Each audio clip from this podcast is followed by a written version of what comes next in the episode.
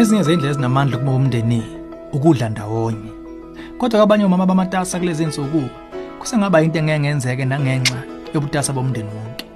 Thina la kwa-focus on the family singabakhuthaza abakhulu bey'khathi zesidlo umndeni ondawonye hhayi ngoba sisidala kodwa ngoba siqonda ubumbumba obukulethela emndenini ukwazi ukubona ubuso nobuso phezu kokutasa. Kwenza imbangalise ey'nganeni zakho kuba lithuba lokuba zixoxe ngakho konke. Okwenzeka empilweni zazo. Lolu hlelo ezomndeni namhlanje asizile kuzokwethwesa icala ngokuthi uphoqeleke kangakanani ukwenza ikhathi zesidlo ndawonye nomndeni. Kodwa sizokunika amathiphu okuyilungisela kangcono ngongenangcindezi hlala nathi.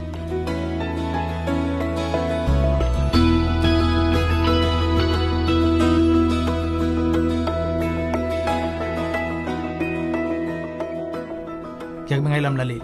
Ezomndeni uhlelo ukuletha izeluleko eziphathekayo ngabaka focus on the family.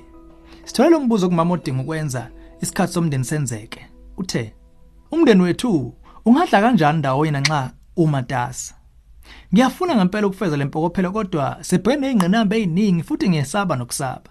Amashedule ahlale egcwele sekuyinqubo yethu ekhaya neyami nayo futhi yanyitheka esikhathini engiphuma ngaso emsebenzini kusuke sekuyojama kwi-traffic.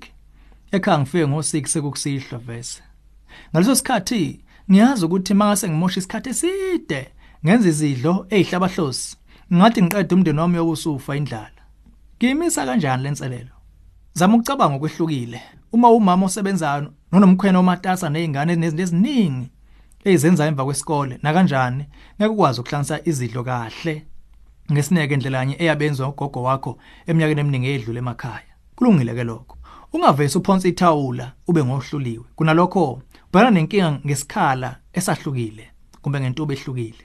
Khumbula ukuthi isidlo somndeni nihlangene asiphoqi sibe ngesakusihlwa kuphela futhi akuphoqi sibe phakathi nesonto lakho lomatasa kakhulu. Kwesinye isikhathi lokhu akunakwenzeka ngempela.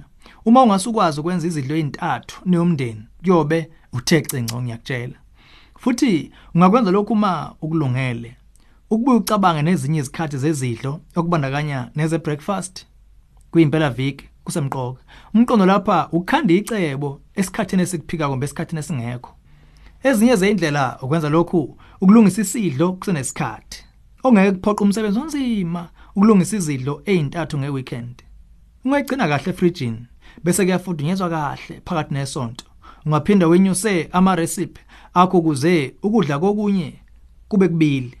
Uma udinga usizo kulengxenye, ziningi incwadi zokupheka namathip nokuhlela izidlo zesonto kumbe ezenyanga. Ungathola ngisho ama recipe online ukukusiza ukulungisela izidlo kusenesikhathi. Uma ungafuna ukuhlela lokhu kusenesikhathi, usengezinto zibelula ngokuthi isidlo sakho sakusihlwa sibe namacebo. Akudingi kuba kube nomsebenzi omningi weinhlobo eziningi. Inqobo lapha uqinisekisa uthola ithuba nidle ndawonye niwumndeni. Angakho kuba ngumpheki wezinga eliphezulu.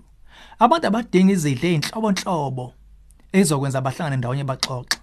Bangakwenza lokho ngisho beyihubuluzela isobho nje ngisho iti ngisho amahewu imbala.